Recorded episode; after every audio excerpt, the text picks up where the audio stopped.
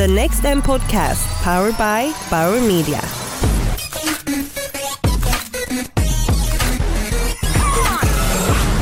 Hej och välkomna till Next M-podcasten 2017 som presenteras av Bauer Media. Mitt namn är Martin Hugosson och jag är VD på Maxus Communications. Jag kommer att leda en serie avsnitt med fördjupning kring de ämnen som tas upp här på Next M. Nu sitter jag i Bauer Medias bås mitt i händelsernas centrum på Next M tillsammans med Daniel Saberski som är nordiskt medieansvarig på Unilever. Så välkommen Daniel och eh, tack för att eh, du tar dig tid att prata med oss. Tack! Det är mycket mysigt att vara här. Mitt i lunchen. Jag hann få i mig tre, fyra bett av en macka. Så att eh, nu har Du är klar. hungern, hungern har stillats lagom. Perfekt. Eh, hur viktigt är det för er på Unilever att utveckla er marknadsföring med ny eh, teknologi och det vi pratar om här? Eh, såklart extremt viktigt att följa konsumenten. Så, och att vad jag tycker har varit ganska intressant nu på förmiddagen, det blir lite att man reflekterar när man är här, vilket känns jätteskönt. Till och med lovat mig själv att sätta på en out of office, vilket jag är jättestolt över. Så nu, nu, nu, nu får man vara här. Jättemycket prat om consumer journeys. Eh, Adform har diskuterat det, Google var väldigt inne på det, vi pratar jättemycket om det. Eh, och det är någonting som vi ju reflekterar så oerhört mycket på. Att konsumentresan förändras nästan år till år.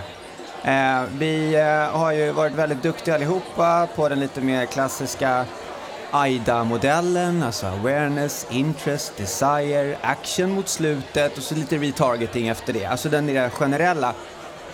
Den, den förändras ju rätt brutalt liksom. Eh, på, på två håll egentligen. Eh, det ena är att vi som FMCG, alltså snabbrörliga konsumentvaror, är fortfarande så sjukt beroende av det icke-teknologiska. Alltså butiken, offline. Och det gör att vår största huvudvärk är nog någonstans kring den här konsumentresan som digitaliseras som tusan. Men vi har extremt svårt att kapitalisera på den digitaliseringen, om du förstår vad jag menar. Därför att vi räknar inte hem den här sista delen, ACT, action, online utan framförallt offline. Så det är väldigt mycket för vår del att förstå vilken teknologi är det som kan liksom brygga offline och online-världen. För att vi är väldigt medvetna om att vi behöver ju kommunicera online men ett avslut sker offline. Eh, så det, det är eh, mycket, mycket sådana tankar för vår del vad gäller teknologi. Så jag tyckte det var skitintressant med Googles personal assistant eh, som ju kan komma att förändra ganska mycket kopplat till den här konsumentresan. Om vi tidigare har någonstans, förut pratade, vi, tid- zero moment of truth, en sån här härlig sanning, att vi har ju researchat som tusan innan vi har tagit beslutet liksom. Och det blir allt svårare att påverka människor till ett beslut för att informationen ligger i konsumentens händer. Om nu Siri eller Google Home och liknande blir den som levererar en, en form av sanning, då blir det ju fan ännu svårare att påverka ett beslut med kommunikation.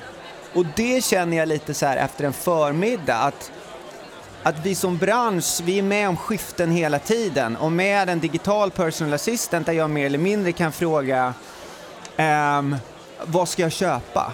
Alltså triggen kommer direkt, någonting är slut och jag ber Siri eller Google Home om att köpa någonting.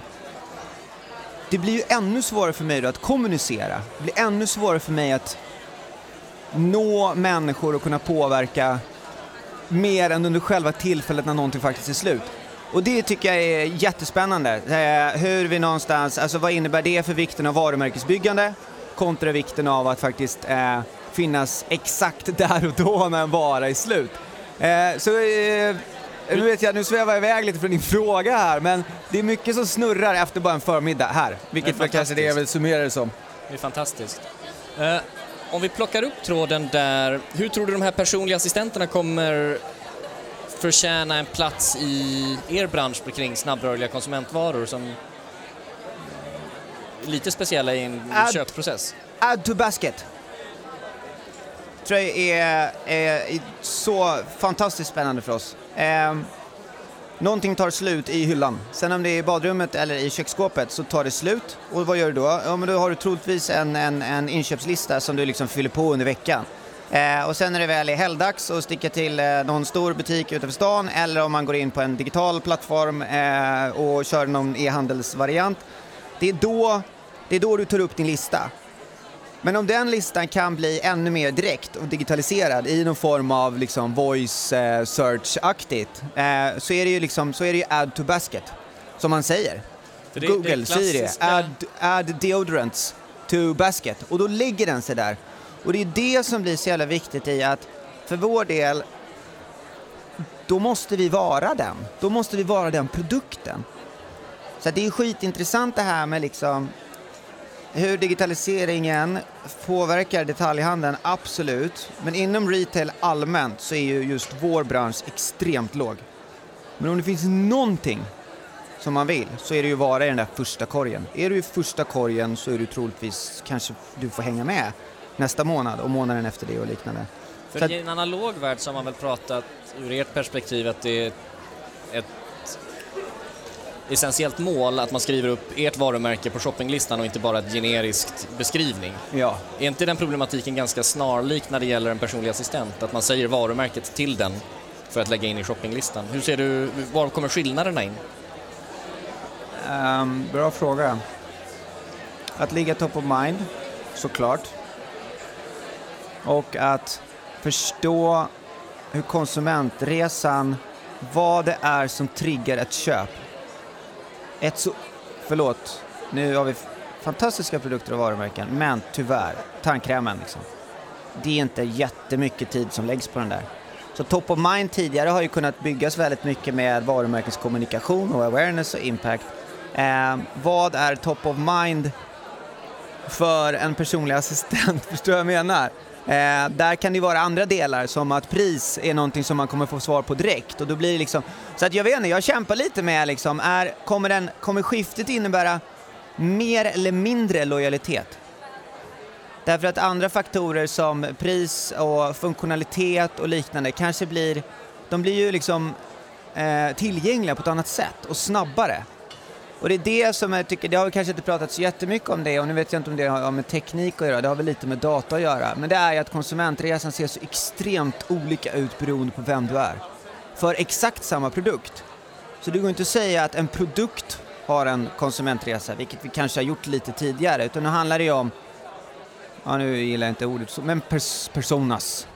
En är en bargain hunter, en är en kvalitetsjagare, en är eh, vill bara ha det snabbt och tillgängligt och det är exakt samma produkt som ska kunna leverera på de delarna. Eh, och det är ju det som förändrar hur vi kanske då som annonsör och varumärkesinnehavare bör kommunicera i, i det här skiftet med konsumentresan.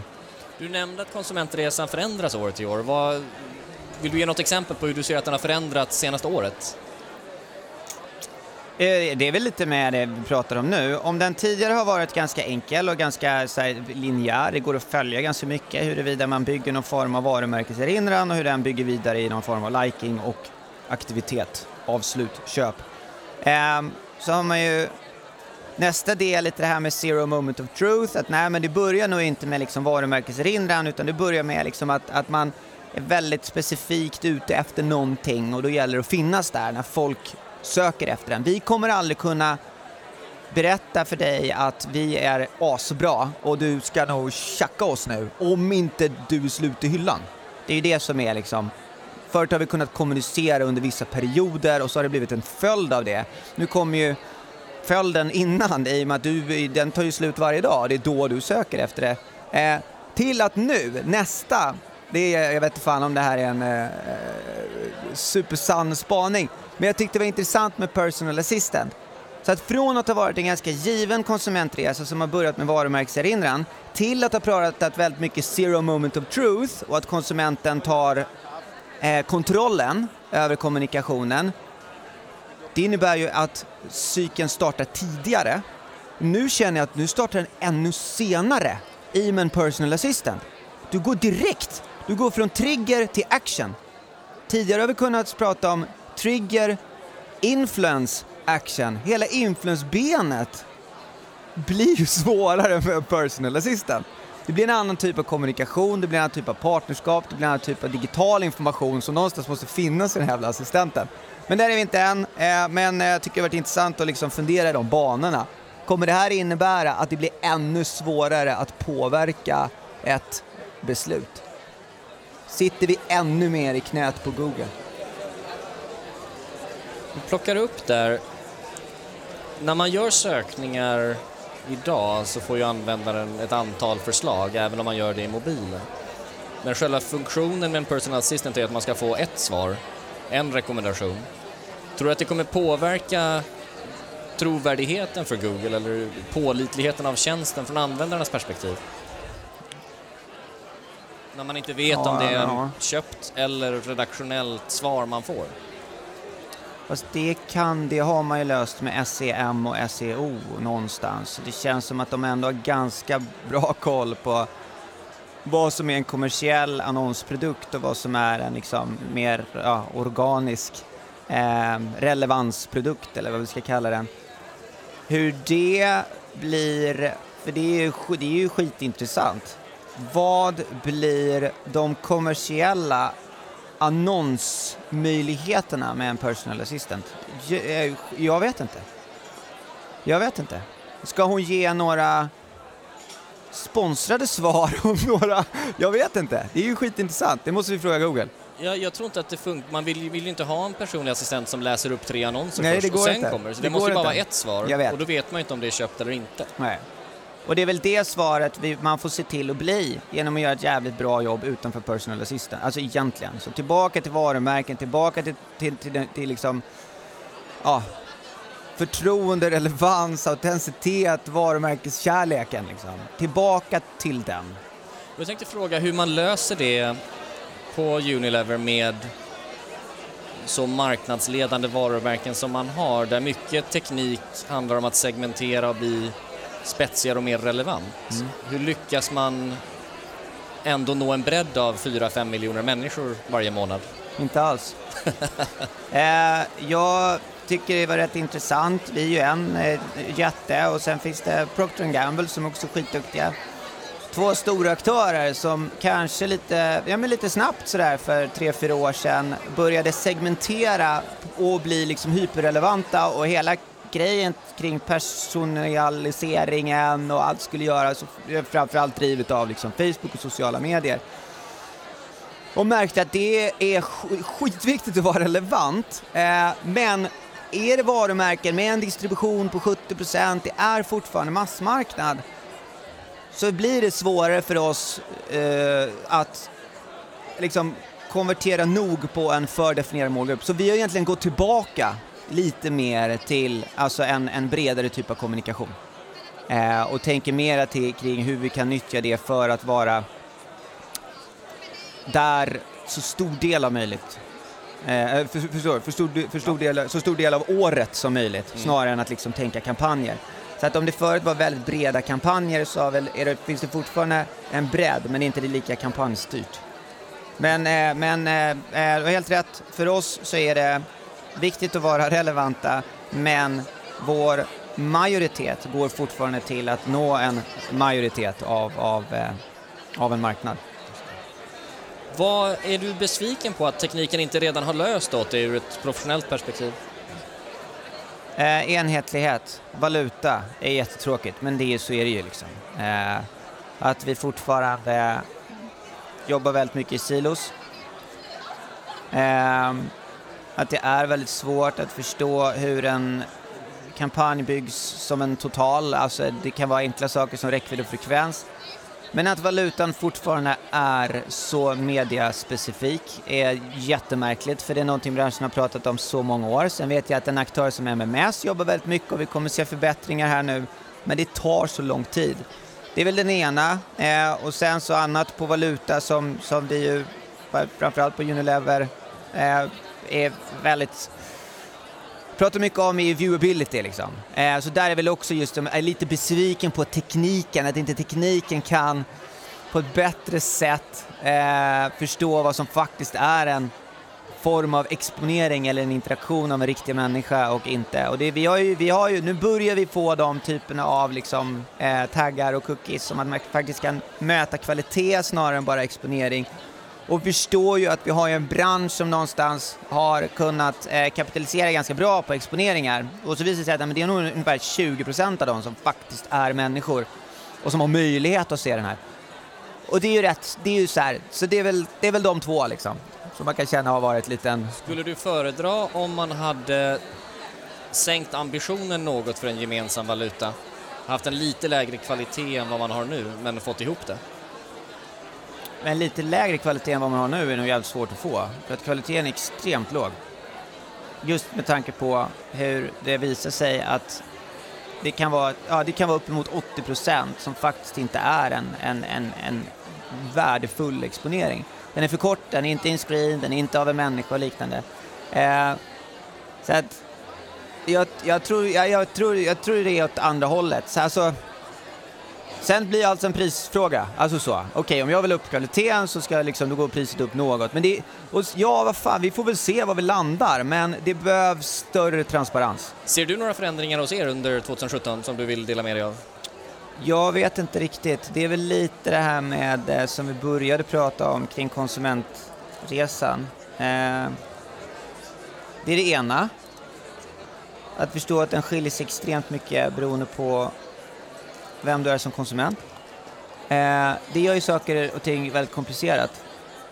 För att det är svårt att ha 15 medialösningar i en, i, för ett varumärke liksom, mot en bredare målgrupp. Eh, så det är väl det ena. Men det andra är någonstans att lite, och det är väldigt speciellt att säga, men lite insikten kring att, att eh, i och med att vi fortfarande är så otroligt beroende av offline eh, så, så vi, vi, vi måste vi måste tillsammans med branschen bli väldigt mycket bättre på att bygga den här bron online offline.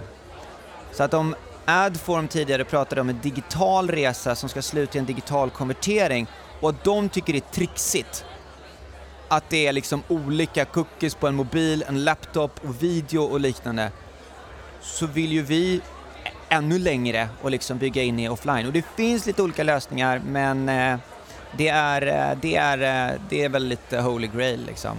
Du kommer ha en del att göra under 2017. Ja, Tack så jättemycket för att du ville vara med oss. tack snälla! Tack själv, hej!